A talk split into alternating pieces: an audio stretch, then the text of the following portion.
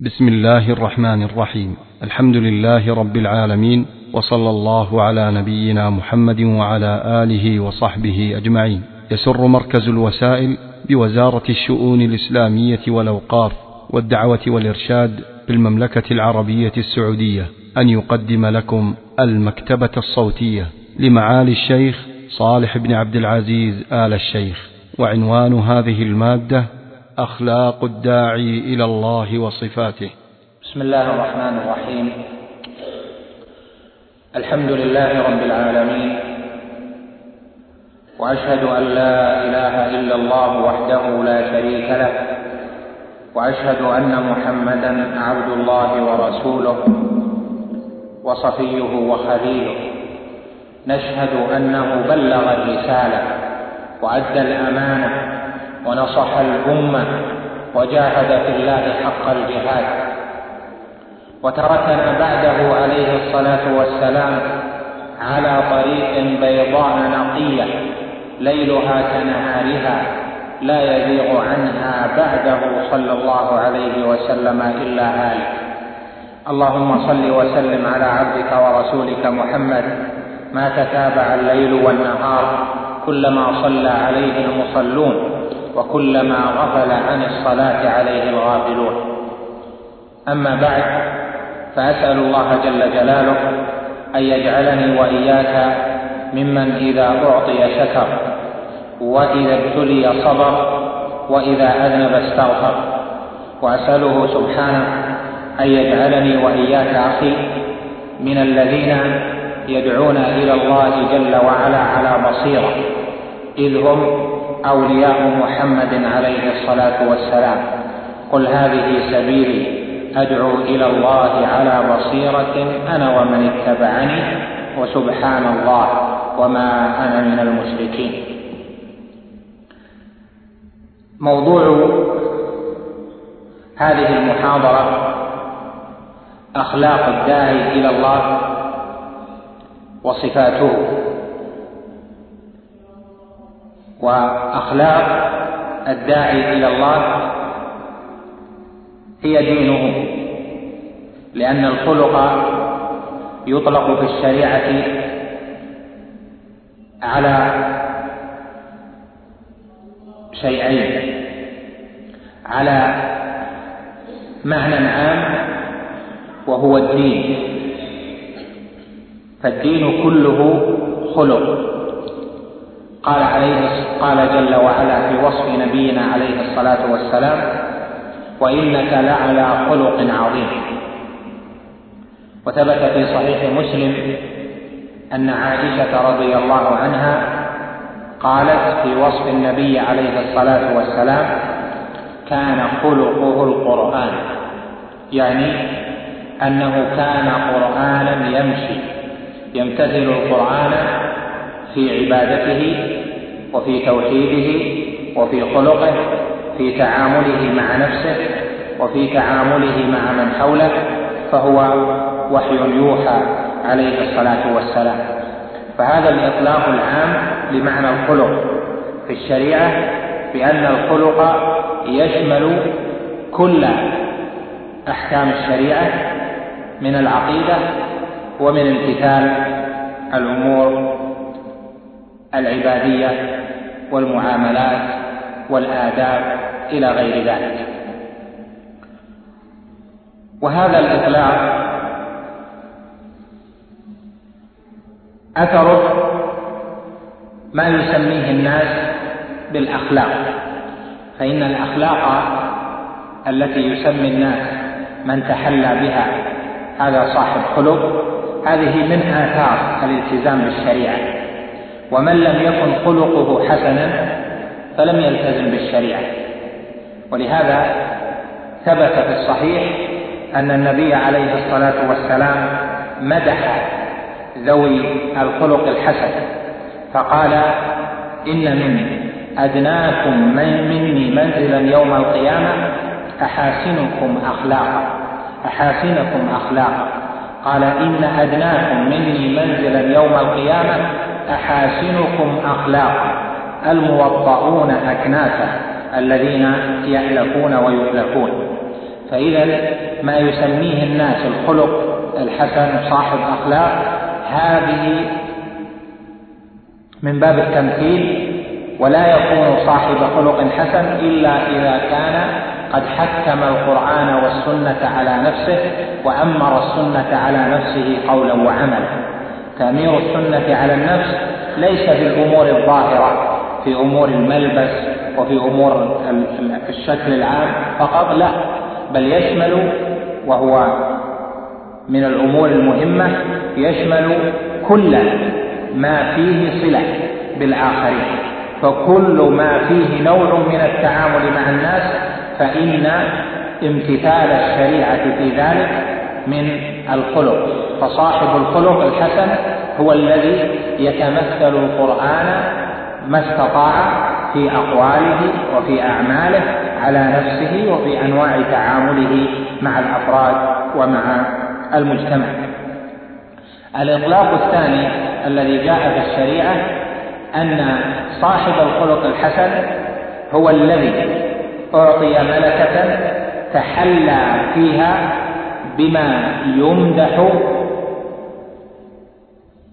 بما يمدح من تعامله مع الناس فيما يأتي وفيما يدع وفي هذا قال عليه الصلاة والسلام وخالق الناس بخلق حسن. اتق الله حيثما كنت وأتبع السيئة الحسنة تمحها وخالق الناس بخلق حسن.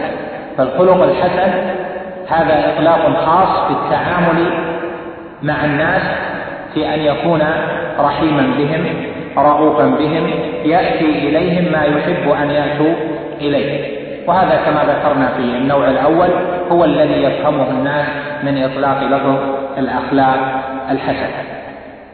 إذا تبين ذلك فبحث أخلاق الداعي إلى الله جل وعلا وصفاته بحث الخلق وما يتحلى به الموحد المؤمن صاحب السنة من الأخلاق هذا قسم ونوع من وباب من أبواب عقيدة أهل السنة والجماعة.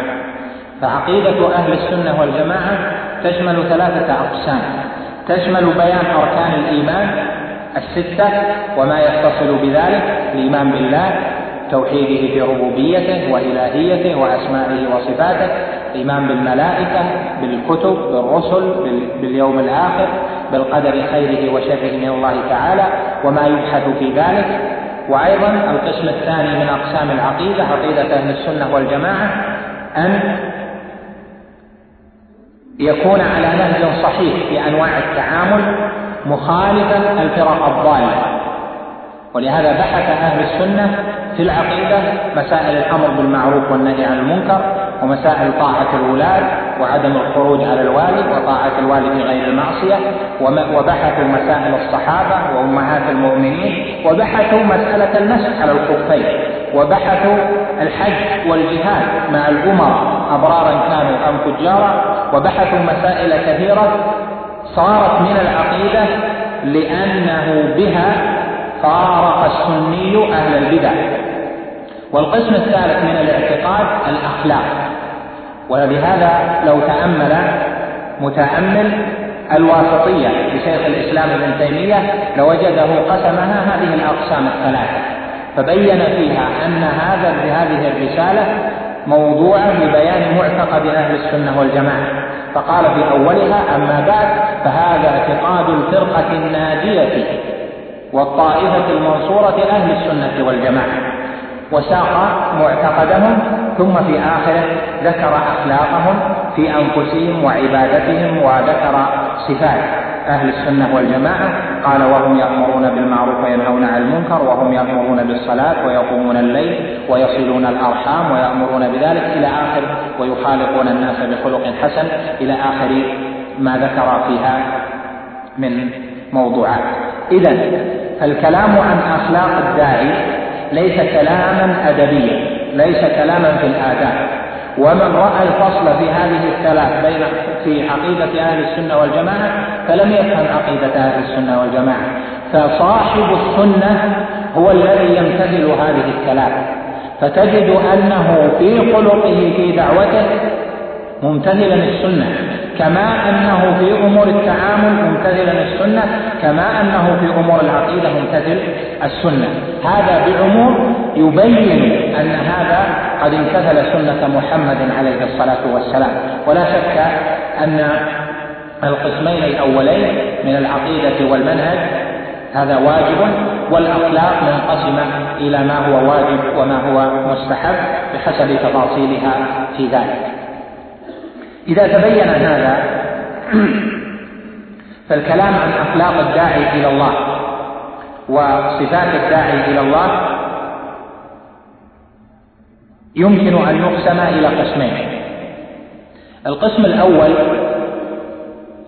أخلاق الداعي إلى الله وصفاته إذا كان فردا. والقسم الثاني أخلاق الداعي إلى الله وصفاته إذا كان الداعي جماعة أو مجموعة.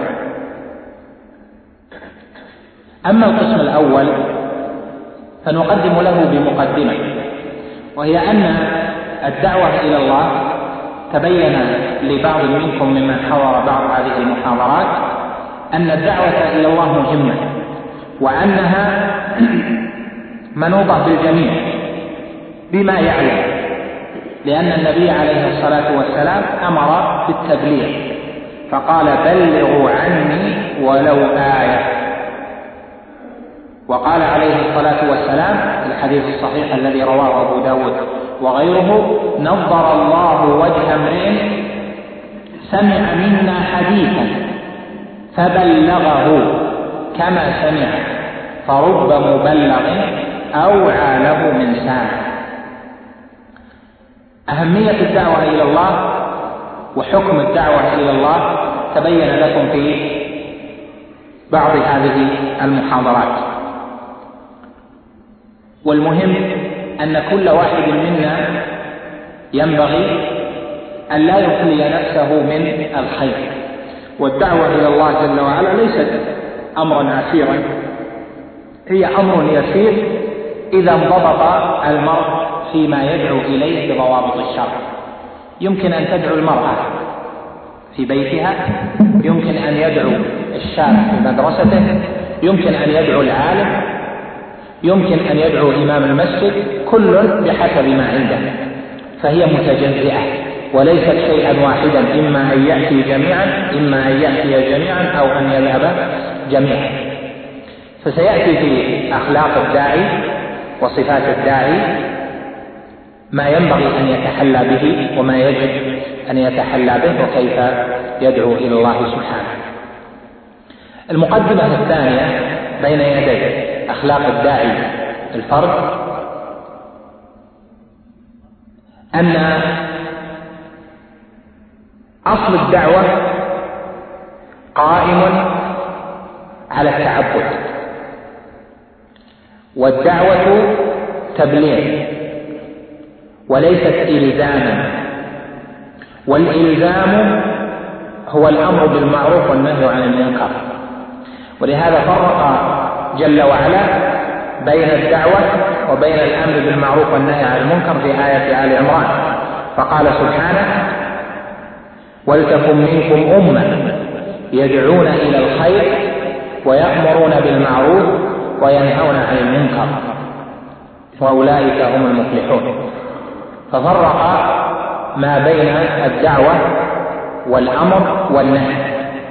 والفرق ما بين الدعوة والداعي والمحتسب الآمر والناهي أن الداعية لا يلزم وإن إنما هو مبلغ إنما هو محبب مبشر. وأما الآمر والناهي الآمر بالمعروف والنهي عن المنكر المحتسب هذا عنده سلطة. من ولي الأمر يلزم الناس بالأمر. يلزم الناس بالحق. فمثلا في الفرق بينهما الداعي يأتي إلى من لا يصلي ويقول له الصلاة حكمها كذا واجب عليه ويراقبه بالأساليب. المحببة إلى النفوس لعله أن يستجيب.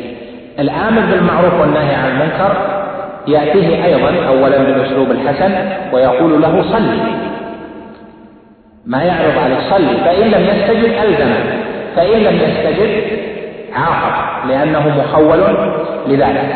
ولهذا يفرق ما بين الأمر بالمعروف والنهي عن المنكر في المجتمع المسلم ومن يلي الحسبة من يلي الأمر والنهي وما بين الداعي إلى الله جل وعلا. والآية فرقت بالواو والعلماء يقولون الواو تقتضي المغايرة.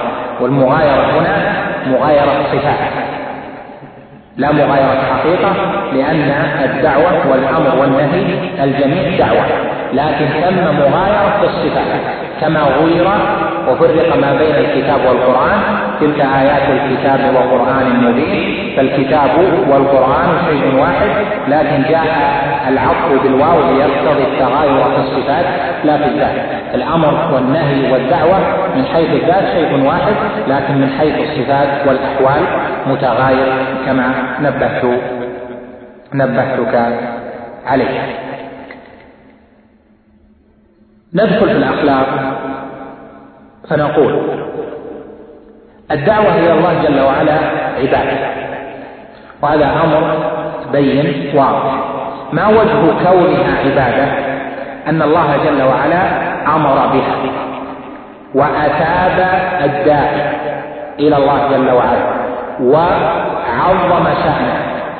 فأمر سبحانه بالدعوة بقوله فلذلك فادعو هذا أمر واستقم كما أمرت وحض وبين عظم شأن الداعي بقوله ومن أحسن قولا ممن دعا إلى الله وعمل صالحا وقال إنني من المسلمين ومن المتقرر في الأصول أن الأمر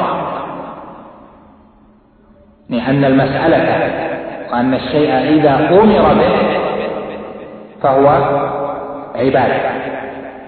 وإذا بين الثواب على إتيانه فهو عبادة. إذا كانت الدعوة عبادة فلا شك أن العبادة لها شرطان لصحتها وقبولها. أما الأول فهو الإخلاص وأما الثاني فهو المتابعة. الإخلاص والسنة. فمن لم يأت في الدعوة بالإخلاص وبالسنة فإنه لم يأتي بالعبادة على وجهها الصحيح. بل هي غير مقبولة منه. ولهذا ما قبلت دعوة الخوارج ولا قبلت دعوة الضالين لأنهم دعوا قد يكونون مخلصين لله دعوا يرغبون ما عند الله لا يرجون الخلق ولكنهم لم يتابعوا السنة. فصاروا مأزورين غير مأجورين بل جعل النبي عليه الصلاة والسلام الخوارج كلاب أهل النار. فقال في وصفهم يحشر أحدكم صلاته مع صلاتهم وصيامه مع صيامهم.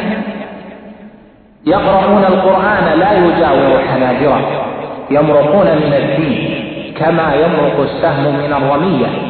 أينما لقيتموهم فاقتلوهم فإن في قتلهم لمن قتلهم أجرا عند الله جل وعلا.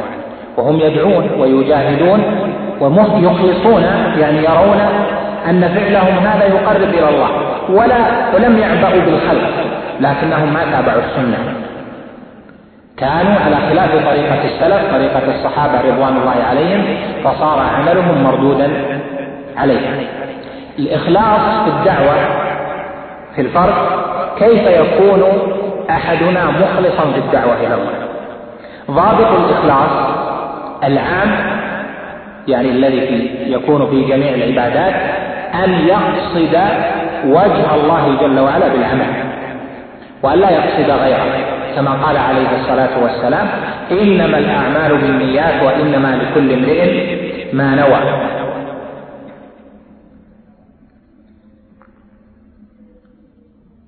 فالقصد وجه الله جل وعلا بالأعمال والأقوال. فمن قصد وجه الله وحده يريد ما عنده فهذا عنده الإخلاص العام. وضابط الإخلاص الخاص في الدعوة لأن الإخلاص هناك إخلاص عام يشمل كل المسائل وفي كل مسألة ضابط للإخلاص خاص يميزها عن غيرها. نقول ضابط الإخلاص في طلب العلم أن ينوي رفع الجهل عن نفسه. فمن طلب العلم سواء في المساجد أو في الجامعات أو في أي مكان أو استمع إلى دروس ينوي بذلك رفع الجهل عن نفسه هذا ضابط خاص. مع النية العامة في الإخلاص وهو أن يقصد بذلك التقرب إلى الله جل وعلا. كذلك في الدعوة مع نيته التقرب إلى الله جل وعلا وحده دون ما سواه ضابط الإخلاص في الدعوة أن ينوي دلالة الخلق على إلى ربهم جل وعلا وألا يكون مترفعا بينهم. كما قال جل وعلا قل هذه سبيلي أدعو إلى الله. على بصيرة. أنا ومن اتبعني. قال إمام الدعوة في مسائل كتاب التوحيد في قوله إلى الله تنبيه على الإخلاص. لأن يعني معنى كلامه لأن كثيرين أو لأن هناك من يدعو إلى الله وهو يدعو إلى نفسه أو إلى شيخه. يعني أن الداعي إلى الله يريد بدعوته أن يقرب الخلق إلى ربه أن يجعل هذا العبد الذي أمامه عبدا حقيقيا لله جل وعلا أن يدل ليكون قلبه دليلا لربه جل وعلا. هذا يكون مخلص. أما إذا دله ليترفع هو ليشتهر هو ليظهر هو أو دعا ليكون منتسبا إلى فلان فهذا خلاف الإخلاص. وما أكثر من يقع في هذا وهو لا يشعر. وهذا إذا طرأ على النفس فواجب أن ينطرح العبد بين يدي ربه يسأله أن يكون مخلصا في أقواله وأعماله هذا الإخلاص. أما الثاني فهو السنة يعني الدعوة أهم الأخلاق والصفات في الداعي أن يكون في عبادته بالدعوة مخلصا على سنة. أما على سنة فألا يدعو إلى شيء يخالف السنة وأن يكون في دعوته متبعا طريقة السلف الصالح. يعني أنه إذا دعا إلى الله جل وعلا يدعو إلى ما يعلم ويأتينا صفة العلم يدعو إلى السنة يدعو إلى أن يكون من دعي تبعا لمحمد عليه الصلاة والسلام. ما يدعو لأهواء لفرق ما يدعو لآراء يدعو إلى شيء يعلمه من الكتاب والسنة. واضح بين جل وإذا اشتبهت الأمور فخذ بالمتيقن. إياك والأمور المشتبهة لأن المرأة إذا دخل الدعوة في أمور مشتبهة ربما حبط عمله وهو لا يشعر لأنه لا يكون على سنة. وقد جاء في حديث أبي ثعلبة وهو حديث حسن عند طائفة من العلماء قال فيه عليه الصلاة والسلام وهو حديث طويل حتى إذا رأيت شحا مطاعا وهوى متبعا ودنيا مؤثرة وإعجاب كل ذي رأي برأيه فعليك بخاصة نفسك ودع عنك أمر العوام فإن من ورائكم أيام الصبر إلى آخر الحديث. وجاء في الحديث أيضا أنه قال عليه الصلاة والسلام حينما سئل وهل بعد ذلك الشر من خير؟ قال عليه الصلاة والسلام نعم يعني في آخر الزمان. وهل بعد ذلك الشر من خير؟ قال نعم. وفيه دهن قال وما دهنه قال قوم يهدون بغير هدي ويستنون بغير سنتي تعرف منهم وتنكر. فقوله يهدون يعني يدعون يهدون بغير هدي تعرف منهم يعني عندهم أشياء صواب موافقة للسنة وتنكر وعندهم أشياء مخالفة للسنة. قال فما تأمرني؟ يعني إذا وجدت هؤلاء. قال تلزم جماعة المسلمين وإمامهم. قال فإن لم يكن لهم جماعة ولا إمام قال فاعتزل تلك الفرق كلها ولو أن تعض على أصل شجرة حتى يأتيك الموت وأنت على ذلك. إذا فالسنة في الدعوة من أهم المهمات وأن لا يكون المرء في دعوته يسير حسب هواه وهذا سيأتي في الصفات. أن لا يسير حسب هواه فالاتباع والإخلاص أن يكون محكما على نفسه هذا الشرط شرط الإخلاص ومتابعة السنة حتى يكون عمله مقبولا. الخلق الثاني والصفة الثانية للفرد العلم. فليس ثم دعوة بلا علم. ومعلوم أن العلم يتجزأ. العلم واسع العلم الشرعي واسع. فالعلم يتجزأ. فإذا الدعوة تتجزأ. قال جل وعلا قل هذه سبيلي أدعو إلى الله على بصيرة. قال العلماء البصيرة العلم. وسمي العلم بصيرة لأن العلم للقلب كالبصر للعين. العلم يبين لك الطرق ما تشتبه عليه إذا اشتبهت على الجاهل أو على العام أما على طالب العلم والعالم مهما اشتبهت مهما جاءت الفتن تكون واضحة أمامه الدار لأن العلم بتوفيق الله جل وعلا يبين لك الطريق. إذا العلم هو البصيرة والعلم متجزئ فإذا الدعوة تكون متجزئة. مثلا أنت علمت مسألة من مسائل التوحيد وجوب التوحيد وجوب عبادة الله وحده لا شريك له رد الشرك بأنواعه رد عبادة الأولياء والقبور والأوثان.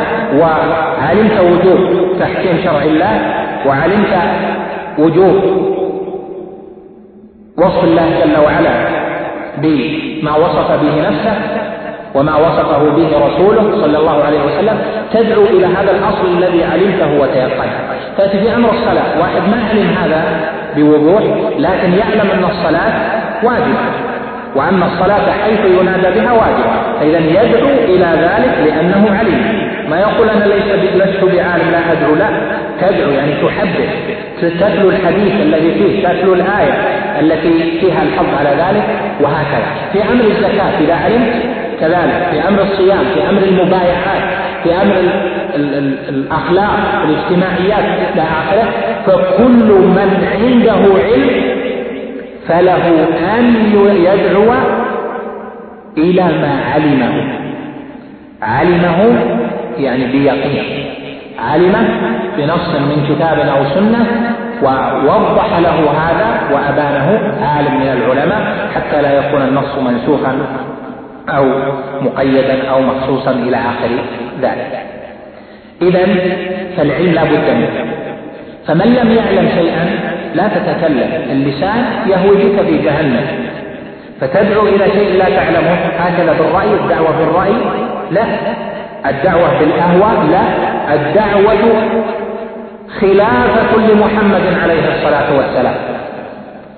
فإن محمدا عليه الصلاة والسلام وإخوانه من الأنبياء ورثوا العلم فمن أخذه أخذ بحظ واحد. والدعوة تكون على بصيرة. قل هذه سبيل أدعو إلى الله على بصيرة. أنا ومن اتبعني. فإذا هذه المسألة مهمة مهمة للغاية وهو أنك تدعو وتنطلق في الدعوة لكن إلى ما علم.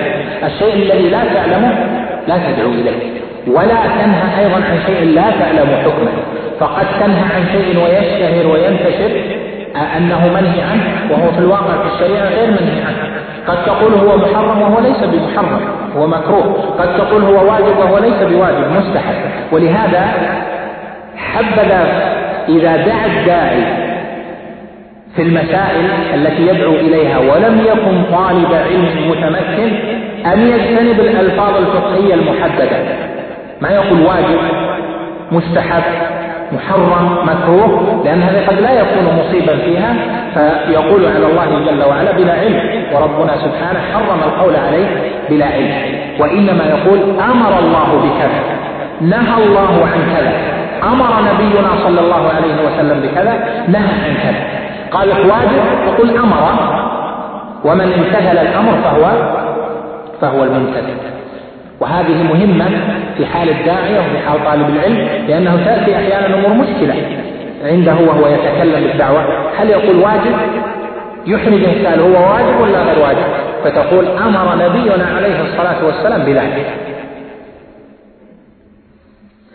فإذا مسألة العلم مهمة في خلق الداعي وفي صفته. لا دعوة بلا علم. ولذلك الدعوة الفردية دعوة الفرد إذا لم تكن على علم وكذلك الجماعية فيما سيأتي مع اختلاف في الضوابط الدعوة الفردية بلا علم ليست دعوة وإنما هي إغلاق فلا بد أن يكون المرء عنده علم.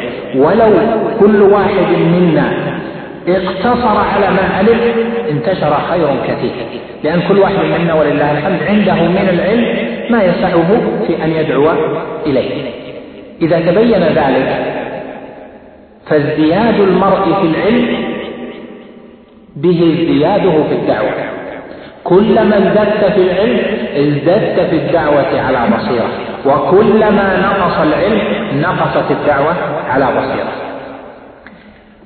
الخلق والوصف الثالث من صفات الداعي إلى الله أن يكون الداعي إلى الله جل وعلا حكيما. والحكمة يعرفها أهل العلم بأنها وضع الشيء في مواضعه اللائقة به الموافقة للغايات المحمودة منه. وضع الشيء في موضعه هذا عدل وضع الشيء في غير موضعها هذا ظلم. أما الحكمة غير العدل الحكمة أن تضع الشيء في موضعه اللائق به الموافق للغايات المحمودة منه. فقد ينظر المرء في الدعوة إلى أنه يضع الشيء في موضعه الآن الحال لكنه لا يوافق الغاية المحمودة فلا يكون حكيما في الدعوة. والله جل وعلا جعل نبيه داعيا إلى الله ولهذا أنزل عليه الكتاب والحكمة. والحكمة هي السنة لأن السنة هي التي فيها وضع الأشياء في مواضعها الموافقة للغايات المحمودة منها. إذا اجتهد المرء في الدعوة فلا بد أن ينظر. يعني مثلا في الحكمة في التطبيق التعريف العام ثم نأتي إلى التطبيقات الفردية. مثلا يأتي في مسألة وينظر هل يدعو إلى هذا الشيء أو لا يدعو.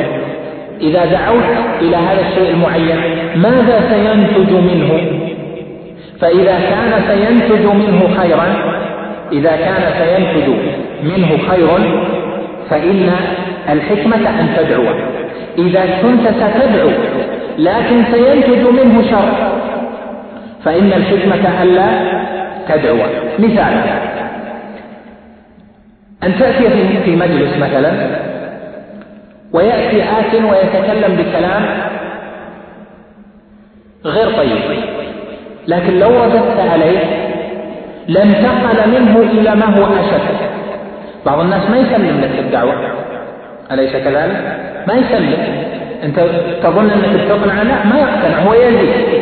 فإذا كان سيزيد فالحكمة الصمت ولا يقال فلان صمت لأنه صمت عن حكمة لأنه يخشى أن ذا أن المرء ذاك ينتقل من هذا الذي هو فيه الذي هو أدنى من الشر إلى ما هو أعلى منه.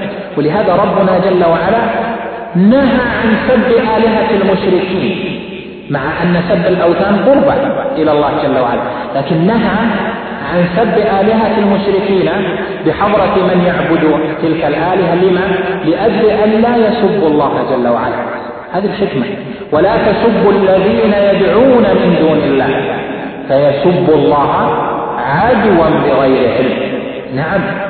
قد يكون في موقع الحكمة أن تسكت. واحد يقول فلان سكت. نعم سكت لكن سكت عن حكمة. ولهذا وصف عمر بن عبد العزيز رحمه الله تعالى ورضي عنه. وصف الصحابة بوصف عظيم. فقال في وصف الصحابة عليك بهديهم فإنهم على علم وقفوا وببصر نافذ كفوا. يعني على علم وقفوا فيما دعوا إليه وفيما عملوا وببصر نافذ كفوا فيما كفوا عنه ما كفوا عنه عجزا لكن حكمة. ولهذا يختلف الشاب عن الشيخ عن الكبير يختلف الجاهل عن العالم في في أمر الحكمة وفي معطياتها. من لم يكن حكيما فلا يصلح للدعوة لأنه ربما أفسد وربما نقل الأمور إلى ما لا يحمل. فإذا من أخلاق الداعي ومن صفاته الحكمة وكما ذكرت لكم الحكمة لا بد فيها من الموافقة للغايات المحمودة. هذا كما ذكرت لك مثال عام على الحكمة. نأخذ مثالا مثالا آه، تطبيقيا. تأتي مثلا إلى شخص. مثلا تدعو إلى الله جل وعلا في شاب عندك أخ لك أو قريب أو نحو ذلك. أتيته مثلا وهو ينظر إلى أشياء عندك في البيت مما لا ينبغي النظر إليه أو مما لا يجوز النظر إليه. أنت الآن تدعوه إلى شيء أو تأمره وستحبه على شيء. هنا لابد أن تنظر في فعلك هذا إلى أي شيء سينتقل فإذا كان والله تقول له والله هذه أشياء ما تصلح وبيخرج من البيت وسيذهب مع أصحاب إلى الكبيرة من الكبائر هل يناسب أن تدعوه في هذا الموقع؟ لا هل يناسب أن أن تنهى في هذا الموقع؟ لا لأن ما فيه من الشر أقل مما تتوقع أن سيذهب إليه لكن لو أخذت تقول هيا بنا نزور أحد في زيارة في صلة رحم نذهب إلى المسجد نتلو القرآن أو عمل صالح أو في نزهة مباحة هذا أمر طيب لأنه انتقل مما هو أدنى إلى ما هو أعلى وهذه يقدرها الداعي إلى الله جل وعلا بتقديره. ولهذا القصة المشهورة عن شيخ الإسلام ابن تيمية المعروفة أنه أتى قوما هو وأصحابه أنه هو وأصحابه رحمهم الله أتوا على قوم من التتار وهم يشربون الخمر في الشارع. فقال بعض أصحاب شيخ الإسلام له هيا بنا نريح الخمور وننكر عليه. فقال شيخ الإسلام لا دعوه فإنهم لو صحوا لسفكوا دماء المسلمين. فإذا كونهم يقعون دائما سكرانين أحسن مما يشقون ويروحون يذبحون في المسلمين أو يتعرضون لأموالهم أو لأعراضهم فهذه حكمة من الداعي. كذلك في مخالطة المرء في تطبيقات الحكمة مع والده. كثير من الإخوان والشباب لا يحسن دعوة والديه مع والده لا يطبق قول الله جل وعلا وصاحبهما في الدنيا معروفا أن يشكر لي ولوالديه. ما يحسن يأتي كأنه أعلى من والديه لا. كذلك مع أهله. ما يحسن ترقية الأهل من شيء إلى شيء ما يحسن تحبيب الخير إليه. لا بد في الدعوة من حكمة أي أن تنظر في الدعوة إلى الغاية المحمودة منه. ليس كل من يدعو في كل مكان هو الحكيم. لا قد يكون في مكان تؤخر الدعوة ولا يقال شيء يكتفى بالخلق الحسن يكتفى بال بالتودد بالتراحم بالصلة ويكون هذا فيه رسالة وفيه دعوة. إذا الداعي إلى الله جل وعلا بعد الإخلاص والعلم لا بد أن يكون حكيما. فإذا كان حكيما كان على هدى وخير. الصفة الرابعة خلق والصفات كما ذكرنا بالمعنى العام شيء واحد. الخلق الرابع والصفة الرابعة في الداعية المفرد أن يكون الداعية إلى الله جل وعلا.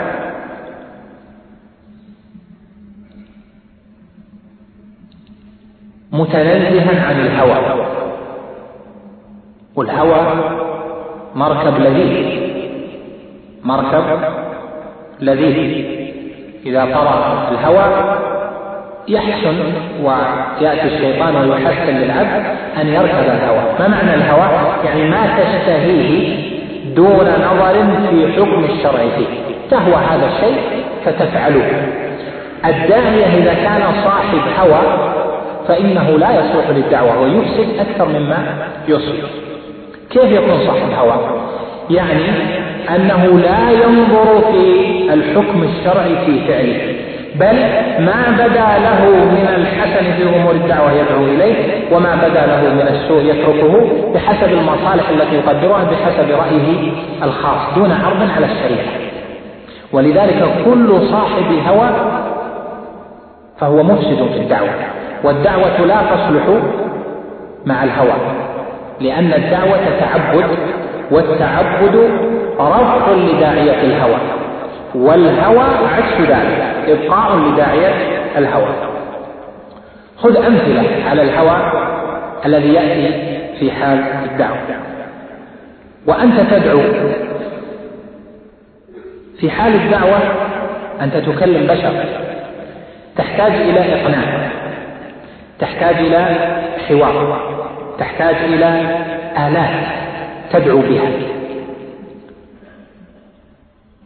قد يأتي وأنت تحاول ذاك يرد عليك.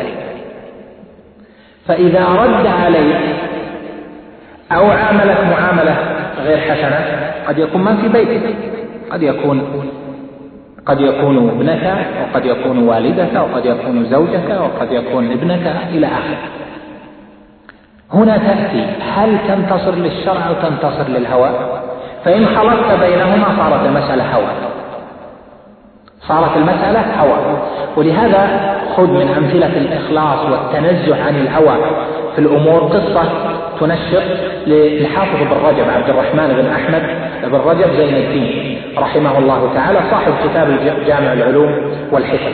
مرة في أصحابه في المسجد فكانوا يقرؤون عليه فمرت بهم مسألة ففصل فيها الكلام وذكر كلام العلماء ورجح وأصل وفصل بكلام بديع حسن سر به طلابه وتلاميذه. قال أحد تلامذته فذهبنا مع شيخنا إلى فلان القاضي وطرحت المسألة. فسكت شيخنا ولم يتكلم فيها أولئك بكلام حسن. ولم يفيدهم شيخنا بما أفادنا. وكان بودنا لو أن تكلم يعني من رغبة الطالب ومحبته لشيخه أن لو تكلم حتى يظهر فضله على غيره. فلما انصرفنا قلنا له يا شيخنا فصلت لنا في المسألة صباحا. ولما كان في المجلس وعرضت لم تتكلم. فقال أما مجلسنا في الدرس فذاك يراد به وجه الله. وأما ذلك المقام مع العلماء فذاك يراد به الذكر. وأخشى أن يغلبني الهوى. هذه من يتخلص منها؟ تحتاج إلى إلى بقصر النفس على حكم الشرع. ولهذا كثير من الناس ما يحصر نفسه على حكم الشرع عنده لكنه يتساهل. يتساهل في لفظه يتساهل في عمله يتساهل في حبه وبغضه يتساهل في موالاته. هو بحسب آراء الشخصية. لا هذا لم يتخلص من الهوى. وفي أصحابه نوع من تأليه الهوى. أرأيت من اتخذ إلهه هوى؟ أفأنت تكون عليه وكيلا؟ إذا الهوى يجب التخلص منه للداعية والداعية إلى الله جل وعلا المتعبد الصالح المخبت المنيب. لا بد أن يجاهد نفسه في أن يرفع الهوى عن نفسه يعني أن تكون دعوته ليست انتصارا للنفس ولا رغبة في الترفع ولا قد يكون مخطئا يخطئه جاهل ويكون الجاهل مصيبة فيما رد عليه. اليهود قالوا للصحابة اليهود والنصارى تعرفون أنتم أهل الشرك والوثنية يعني أهل عبادة غير الله جل وعلا. قالت اليهود للصحابة يعني هم كأنهم أهل التوحيد. فقالت اليهود للصحابة ماذا؟ قالوا لهم إنكم لأنتم القوم. لولا أنكم تنددون تقولون ما شاء الله وشاء محمد. فقيل ذلك للرسول عليه الصلاة والسلام فقال لهم قولوا ما شاء الله وحده. وفي رواية قال قولوا ما شاء الله ثم شاء محمد. يعني اليهود الذين هم أهل الشرك وأهل عبادة غير الله نقدوا الصحابة في مسألة وهي أن الصحابة كانوا يقولون ما شاء الله وشاء محمد. يعني أنتم تنددون يا صحابة رسول الله صلى الله عليه وسلم. نقدوه. فهل هذا النقد جعل جعل النبي عليه الصلاة والسلام لا لا يأخذ الحق ممن جاء به؟ لا وفي هذا حكمة. بعض الناس يقول كيف وقع هذا؟ وقع للتعليم لتعليم الأمة. كيف يقع هذا من الصحابة وقع للتعليم لتعليم الأمة ومسائل الألفاظ مرت بمراحل في أحكامها قال الشيخ الإمام محمد بن عبد الوهاب في مسائل كتاب التوحيد على هذا الحديث قال فيه يعني في القصة فهم الإنسان إذا كان له هوى. المرء إذا كان له هوى أعمل ذهنه وتأمل وتدبر يخرج على المقابل أشياء. ليش؟ لأنه صاحب هوى. طيب صاحب الحق هل يكون مثل الذي أمامه صاحب هوى أو يستسلم للحق؟ يستسلم للحق. مثل ما قال قولوا ما شاء الله ثم شاء محمد. إذا كان شيء جانا من من من من ممن هو صاحب هوى نعرفه ضدنا صاحب هوى لكن يجب أن نصحح. لأن الداعية إلى الله جل وعلا وصاحب المنهج الحق هو أحق بالحق. فإذا الترفع عن الهوى يجعل المرء لا يترفع عن الحق ولو جاء به من جاء. ولا يجعل الحق إذا جاءه من صاحب هوى يجعله سببا في القدح في الآخر. لا يقول نعمة جاءني حق ولو من عدو. هذه نعمة. لأن القصد التعبد القصد التذلل لله هو تأمير السنة على النفس قولا وفعلا. هذه بعض الصفات المهمة أخلاق الداعي وصفاته يطول الكلام عنها لكن هذه بعض الصفات المهمة المتعلقة بالفرد. فننتقل إلى القسم الثاني. إيش هو القسم الثاني؟ نعم. أخلاق الداعي إلى الله جل وعلا وصفاته ويعنى بالداعي الجنس. جنس الدعاة يعني مجموعة الدعاة أو الجماعة. الجماعة والمجموعة إذا نظر إليها من جهة شرعية فالأحكام على الفرد تنطبق على الأحكام تنطبق على الجماعة. لأن الجماعة والفرد الكل مطالب بالعبودية لله جل وعلا. فإذا الأصل العام في الدعوة فيما يخاطب به أو يشترط للفرد أو يوصف أو يتخلق به الفرد هو نفسه ما تتصف به الجماعة لكن يختلف في التطبيقات. لأن تطبيق الفرد أقل محدود من أن تطبق الأخلاق والصفات على الجماعة. إذا فهذا أصل عام في أن الجماعة الداعية إلى الله جل وعلا والمجموعة يجب أن تكون متحلية بالأخلاق والصفات التي ذكرنا وأن تكون قاصدة التعبد لله جل وعلا. فنأتي للإخلاص. بل قبل ذلك نقدم بمقدمتين كما قدمنا في الدعوة الفردية بمقدمتين أما المقدمة الأولى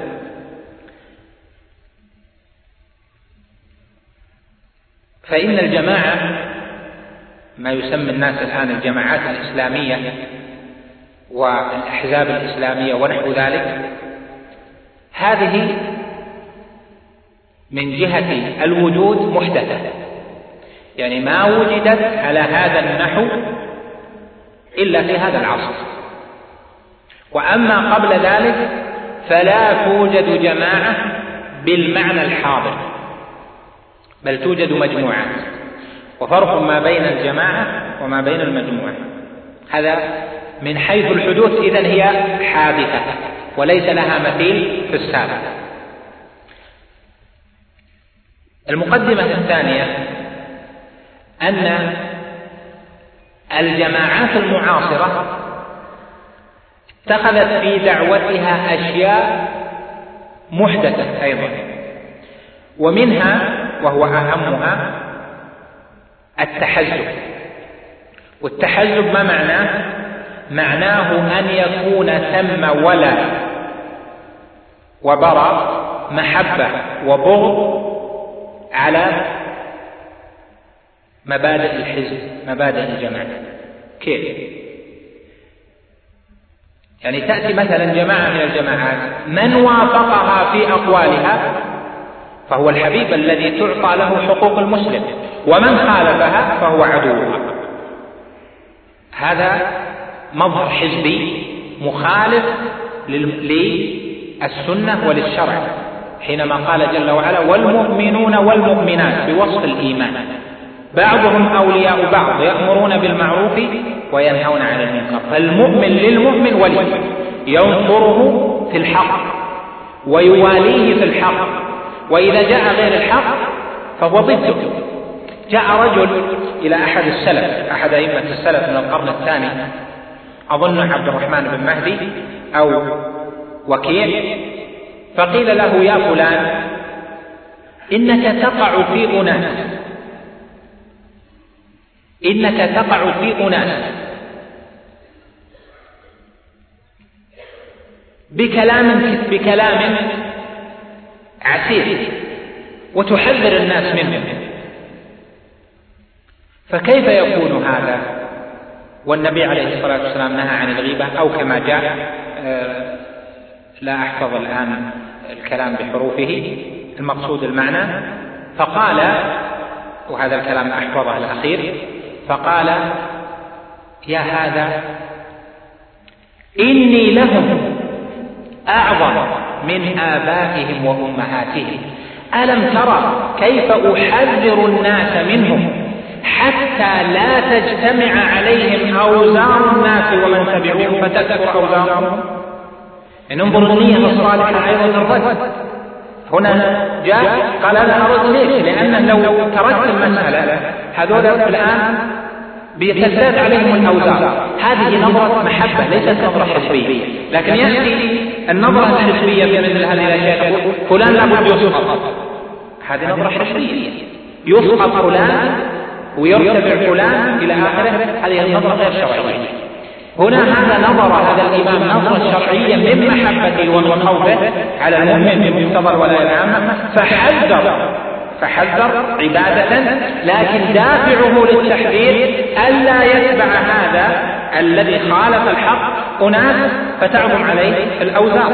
لأن النبي عليه الصلاة والسلام قال ومن سن في الإسلام سنة سيئة كان عليه من الوزر مثل أوزار من اتبعه. هذه مقدمات. إذا الحزبية لها مظاهر من مظاهرها كما ذكرت لك إيه؟ الموالاة والمعاداة على الحزب ليس على الدين. ليس على الديانة على الحزب وافق. فلان اتركه. فلان من الإخوة فلان من الإخوة إيش الكلام؟ فلان من الإخوان وفلان من الإخوان. وهذا هذا مسلم. في قلبه توحيد في قلبه عبادة الله وحده لا شريك له. في قلبه محبة الله جل وعلا. ومحبة رسوله صلى الله عليه وسلم. كيف؟ بأي حجة تبغضه؟ لأنه ليس منتميا أو ليس داخل الحزب أو ليس مع الجماعة أو لأنه يخالفك لا. هذا مظهر حزبي. لذلك أهل العلم الراسخون فيه الصالحون لا يرضون بمثل هذه المظاهر. من مظاهر الحزبية اللي تكون في الجماعات المعاصرة أن الجماعات تقوم على الطاعة. والشريعة في العمل الدعوي الجماعي لم تأتي بالطاعة لأن الطاعة للإمام وإنما أتت بالتطاوع. كما ثبت في صحيح البخاري وغيره أن النبي عليه الصلاة والسلام حينما بعث عليا ومن معه إلى آه، إلى اليمن قال له عليه الصلاة والسلام قال لهما تطاوعا. ولا تختلف. وبشرا ولا تنفرا لاحظ كلمة تطاوعا يعني يطيع بعضكم بعضا في الدعوة. الطاعة العامة للأمير. الطاعة العامة للإمام. لكن التطاوع في الدعوة هذا مشروع. فإذا المظهر الحزبي أن ثم طاعة. ثم أمير يبايع أو لا يبايع يطاع. يأتي هذا ويقول انتظر حتى يأتينا توجيه. أمر دعوة الآن لما نلتقي فنحضر درس علم حتى مر بعض الشباب ذكر حتى في حضور درس علم في صحيح البخاري أو في تفسير ابن كثير في مسجد لابد أن يكون هناك استئذان هذا هذا أمر غير شرعي. هذا مظهر من مظاهر الحزبية التي لا تقر في الدعوة إلى الله في الجماعات الجماعات كما قلنا إذا كانت جماعة بمظهر الحزب فلا تقر لأنها مخالفة للأصول الشرعية ومحدثة. وأنشئت مضاهاة للجماعات العاملة في الحزب الشيوعي ونحو ذلك كما هو معروف في تاريخ نشأة الجماعات في العصر الحاضر. لكن المشروع ما هو؟ المشروع أن يكون هناك تعاون على البر والتقوى. عندنا أصول الشرعية معلوم أن الزمن هذا أن الناس كثروا يتعقد الزمن ويكثر فلا بد من تعاون لا بد من ترتيب لا بد من نظام في الدعوة لا بد من اختصاصات حتى يخدم كل واحد في مجاله الذي ينفع به وينفع فيه. فإذا نقول الدعوة إذا كانت على شكل مجموعات تتعاون على البر والتقوى فهذا طيب.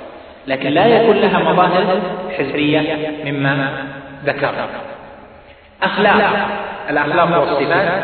كما ذكرنا سابقا قلنا؟ أولا الإخلاص. الإخلاص في حق الجماعات كيف يكون؟ أو في حق المجموعات. إذا عبرنا بالجماعة يعني الجماعة اللي هي المجموعة. أما الجماعة التي هي حزبية فإن هذه الأشياء لا تنطبق عليها. أصلا لأنها مخالفة للتحزب يخالف كل الآداب والشرائع الشرعية. أولا الإخلاص. الإخلاص أن تكون الدعوة كما ذكرنا إلى الله. لا إلى المجموعة ولا إلى الطريق يأتي فلان هدي إلى الله جل وعلا اهتدى ودعي وتكون الدعوة إلى الحق سواء كان معك أو مع غيرك من أهل الحق. المسألة واحدة. المقصود أن يكون مستقيما على شرع الله جل وعلا. أن يكون متعبدا لله سبحانه وتعالى. معي مع غيري مع فلان درس يحضره خمسة ودرس فلان يحضره آلاف المسألة واحدة المهم أن يعبد الخلق لربه جل وعلا. هذا المقصود. فإذا من علامات الإخلاص أو من آثار الإخلاص في الدعوة الجماعية التي يتعاون فيها على البر والتقوى ألا يحزن بأن, بأن يكون المرء معه أو مع غيره من أهل الحق شرط ما يكون مع أهل الباطل. أما إذا كان سينصرف لأهل الباطل فيجب عليه أن يرده لأهل الحق. نستمع للأذان الإخلاص وهو الخلق الأول الواجب. في حق الدعوة التي يتعاون أصحابها فيها على البر والتقوى. أن يكون المراد من الدعوة هداية الفرد إلى الله جل وعلا. وأن لا يكون المقصود ربط الدعوة ربط الشخص ربط المدعو بهذه المجموعة. لأن ربط الأفراد بالمجموعات هذه تنشئ جماعات. فنقع في الأمور الحزبية المنكرة التي لا تقر شرعا. فإذا الإخلاص أن يقصد المرء وأن يجاهد نفسه في أن يكون في دعوته للأفراد وربطهم بهذه المجموعة لأجل هدايته لا لأجل الربط التبعي. لا شك أن الفرد لا يمكن في الغالب في هذا الزمان أن يستقيم إلا بأن يوجد في بيئة صالحة. إذا وجد فيها البيئة الصالحة أمكنه أن ينظر الاستقامة من واقع عمله. فإذا كان هذا المقصود فلا بأس هذا أمر طيب. والوسائل وسائل المشروع مشروعة والأحكام لها والوسائل لها أحكام المقاصد.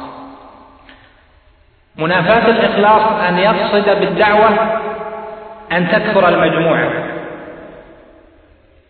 أن تزيد أن يكون الربط بفلان وفلان.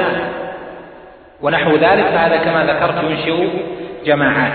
ولهذا قدمت لك قول إمام الدعوة في مسائل كتاب التوحيد إن الداعي إلى الله جل وعلا المخلص لا يدعو إلى نفسه ولا إلى شيخه بل يدعو إلى الله مطلقا إلى الله لتعبيد الخلق لربهم جل وعلا. أما السنة السنة الإخلاص والسنة في الدعوة التي يتعاون فيها أصحابها على البر والتقوى كيف يتعاونون؟ إذا مثلا أهل الحي أهل المسجد أهل مكتب مأذون به ونحو ذلك يتعاونون على دعوة للإصلاح وللخير هذا أمر مطلوب. مجموعة من طلبة العلم في مكان من الأمكنة يجتمعون يرتبون أمرهم في دروس في في دعوة في زيارات في نحو ذلك. هذه كلها أمور محمودة إذا كانت لا على وجه الجماعة والتنظيم الحزبي. نقول السنة كيف يكون السنة؟ ذكرنا أن الجماعات الضالة ضلت ودعت إلى خلاف السنة وصارت شر من شر المسلمين؟ مثل ما ذكرنا الخوارج وغيره. كيف كان ذلك؟ لأنهم دعوا إلى غير السنة. كيف نشأ ذلك؟ دعوة إلى غير السنة. كيف بدأت الدعوة إلى غير السنة؟ تبدأ في المجموعات بالتساهل وهذا شيء رأيناه فيما مر علينا من الزمن. في العشرين سنة الماضية رأيناه. أو الخمس وعشرين سنة الماضية رأيناه في مجموعات كانت صالحة وبدأت صالحة. ثم تساهلوا مع الذي يخالف السنة بينهم. يخالف السنة في الكلام يعني يقع في في العلماء يقع في الأمور السياسية بلا ضوابط شرعية. إذا سمع شبة نشرها دون تثبت يأتي يربي إذا على غير السنة يربي على قيل وقال صارت المجموعات بدل أن تكون داعية إلى الله جل وعلا على بصيرة وعلى إخلاص وعلى سنة تحولت إلى أهداف أخرى في أصحابها. تحولت إلى وهذا صار بالتساهل ولو أن المجموعة أخذوا على يد المخطئ من أول الأمر وقالوا الحق كذا لا تخاف ونصحوه ووعظوه لما من أول يوم لما زاد الشر. لكن يتساهل ويضحك وإلى آخرة تزيد الأمور تزيد حتى تكون أشياء غير محمودة هذا لا شك يخالف المتابعة. لأن المتابعة العامة للسنة يعني لمنهج السلف الصالح في أن لا يخرج المرء المرء في المجموعة عن عقيدة عن عقيدة السلف الصالح عقيدة أهل السنة والجماعة عقيدة الطائفة المنصورة والفرقة الناجية. هذا أمر مقصود شرعا. أما أن تكون المجموعة مجموعة تدعو إلى الله ثم يحدث بينها افتتان فتضل المجموعة أو يحصل بينها نزاع في في مسائل اتباع طريقة السلف الصالح والعقيدة الصحيحة لا شك أن هذا يحدث مفاسد كثيرة كما كما رأينا. إذا من أول الأمر ينتبه للسنة. السنة يبدأ واحد قد يكون لسانه جيدا وقد يكون عنده ثقافة عصرية ثقافة سياسية فيعلم بأشياء غير جيدة. مثلا أنا كنت في بلد من البلاد في أمريكا أحد الإخوة من أحد البلاد العربية ذكر شيئا قلت هذا يعني ما عليه إثبات؟ قال ناتيك بالإثبات وأتى لي بملف مقالات في مجلات طب هل هذا دليل؟ قلت له نحن تعلمنا في منهج أهل السنة والجماعة أن وضع الأدلة والبرهان كيف يكون؟ البرهان العاطفي ليس برهانا شرعيا. البرهان العقلي ليس برهانا شرعيا لا بد يكون برهان شرعي. تأتي لي بقول فلان وفلان وفلان مما نشر في المجلات وهم لم يطلعوا إنما سمعوا. هذه ليست براهين. وإذا تمشي مثل هذه الأشياء على مجموعات وتصير ثقافة في المجموعة ثم ينشأ عن المجموعة جماعة ثم تبدأ تتحزب ثم نخرج إلى شيء آخر. لهذا تجد بعض الجماعات الإسلامية في بعض البلاد كانت واحدة فأصبحت مئة أو أصبحت أكثر. ليش؟ لأن المجموعات الصغيرة الأسر الصغيرة بدأ فيها بدأت فيها الأقوال. حتى أصحاب تلك الجماعات يقولون لا بد من وأد الأقوال هذه والجيوب في مهدها. ونحن نقول نعم لا بد من وأدها في مهدها لكن على منهج السلف الصالح. ليس وأدها في مهدها لبقاء الجماعة العامة يعني الجماعة الحزبية لا. لأن تؤد في تؤد في مهدها لأجل أن لا يخرج أصحاب هذا القول بأقوال جديدة وبأفكار. الآن كم عندنا من فكرة؟ كم عندنا من طرح عندنا عشرات الطرود الجماعة الفلانية في البلد. تكون مجموعات عشرة خمسة عشر ثم بعدين يبدأون يزيدون يصيرون خمسين مئة يبدأون بفعل شيء يتحدث عنه الناس وربما تحدث عنه العالم. كيف بدأ ذلك؟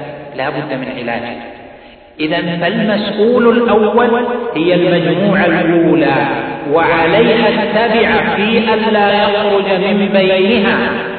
من يخالف النهج الصحيح وعليهم حساب امام الله جل وعلا يرون المخالف لأن بداية الأمر إذا كانت سهلة تتوسع ثم بعد ذلك يكون يقع في أمور كبيرة وهم ينقذون ذلك طيب لماذا تساهلتم من البداية؟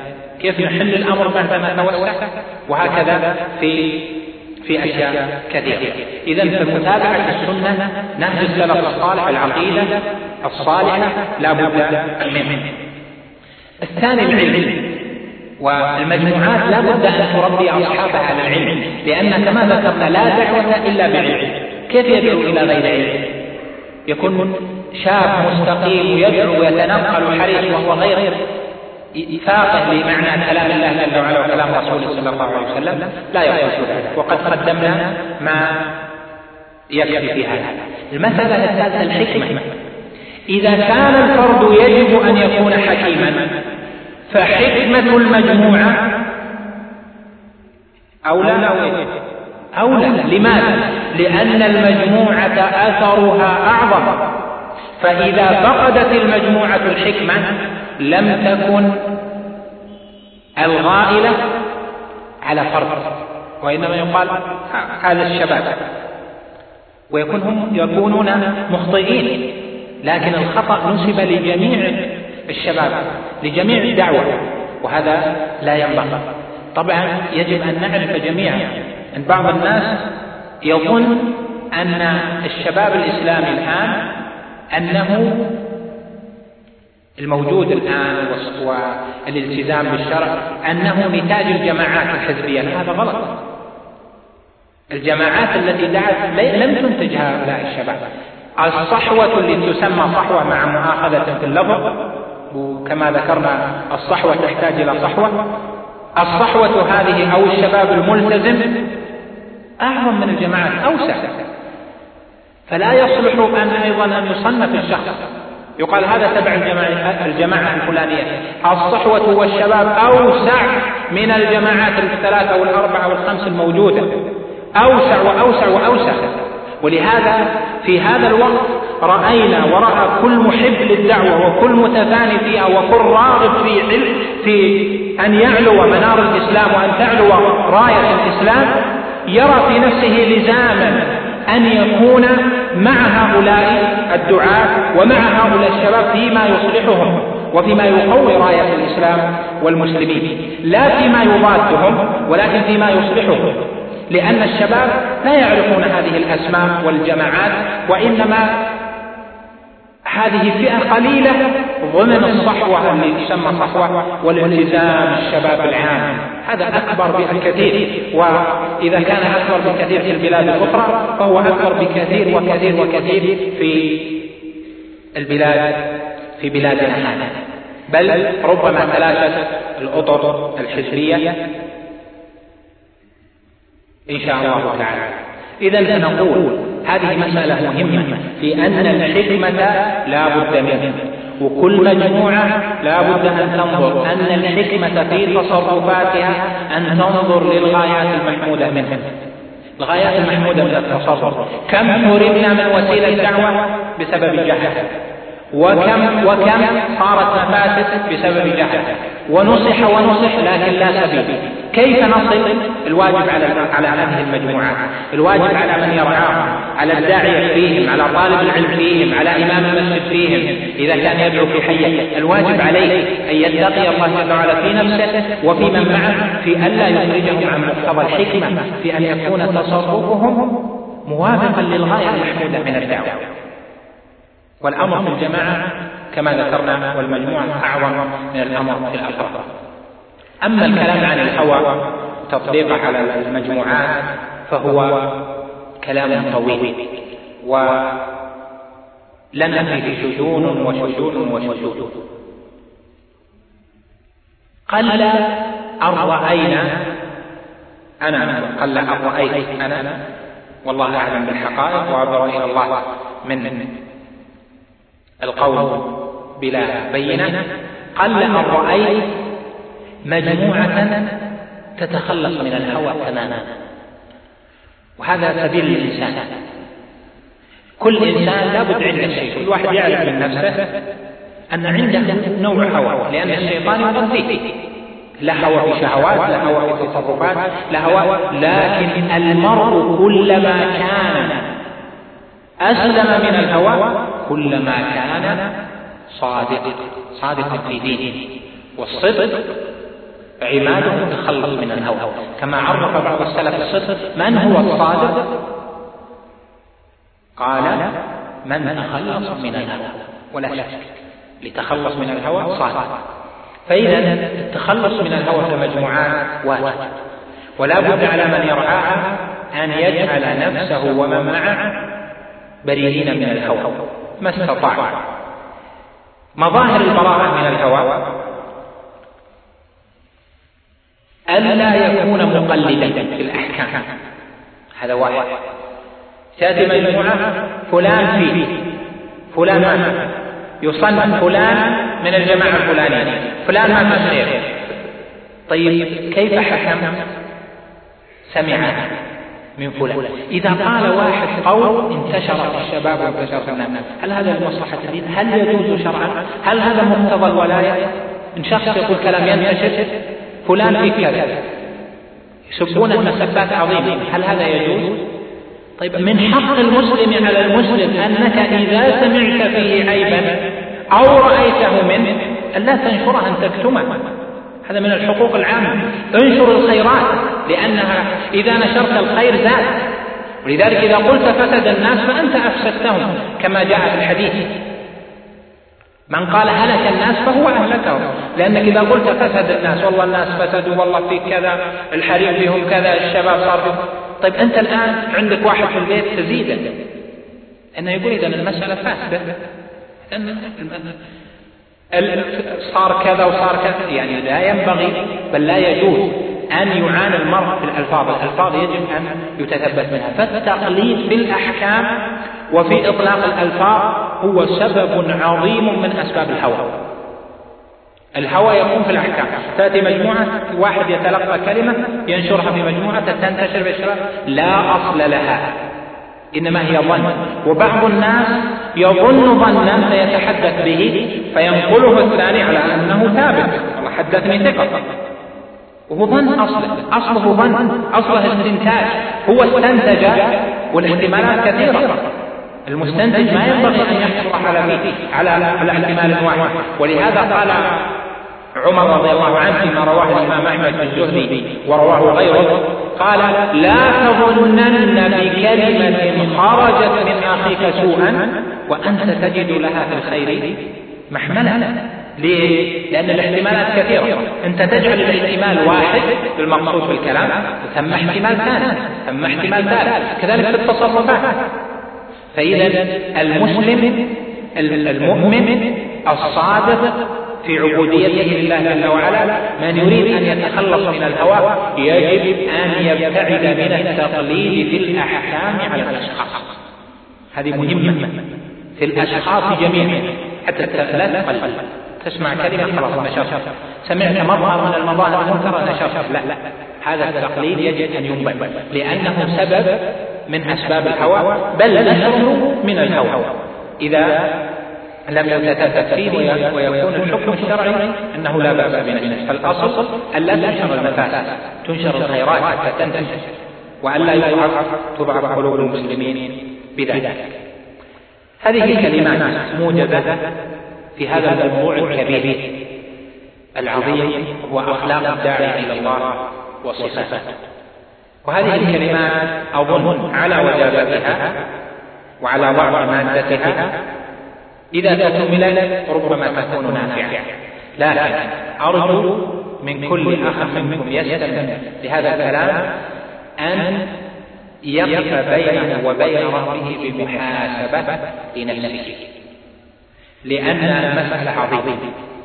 مسألة الدعوة اليوم عظيمة ومثل ما جاء في الحديث قال وهل بعد ذلك الشر من خير؟ قال نعم وفيه دخل. خير لكن فيه دخل. قال وما دخل قال قوم يهدون بغير هدي ويستمرون بغير سنة تعرف منهم وتنكر طالب العلم داعي إلى الله. هو قدوة. يجب أن يعرف أنه قدوة. تصرف لا يحسب على نفسه. وتصرف على المجموع جاء مثلا مرة واحد وقف في سيارة أمام باب شخص ملتحي عليه دار الصلاح هل هل الشريعة قالت لك تقف من الباب؟ ألم تنهك عن ذلك؟ جاء رجل يطلع لعمله صباحا تأخر نصف ساعة سبب له مفاسد لأجل هذا وقف هذا الموقف. قال أنا شوي هل هذا هل هذا خلق هل هذا خلق مسلم؟ فضلا أن يكون ملتزما إذا المسألة قدوة. هذا نظر هذا فهمهم هذا سلوكياتهم الشريعة والخلق والدين ليس في مسائل محدودة. المسائل التي تطبقها على نفسك أهون. يعني أقل شأنا في أجرها وفي ثوابها ومن الأمور المستحبات أو الأخلاق مما تعامل به غيرك لأن حقوق الناس على المشاحة حقوق الناس المشاحة لا ويوم القيامة الدواوين ثلاثة. ديوان لا يغفر وهو الشرك بالله. وديوان مبني على المسامحة وهو ما بين العبد وبين ربه. وديوان لا يترك الله منه شيئا وهو المبني على المشاحة وعلى أخذ الحقوق وهو ما بين العبد وبين الخلق. إذا المسألة فيها حساب المسألة قدوة المسألة أنت تنشر الدعوة بقولك. هل كان الصحابة رضوان الله عليهم أصحاب كلام؟ الصحابة أصحاب معللات مثل محاضرات دروس كل يوم وجلسات. لا لا. لكن نشروا الدين. نشروا الخير. لما؟ لأنهم كانوا يمشون بالقرآن.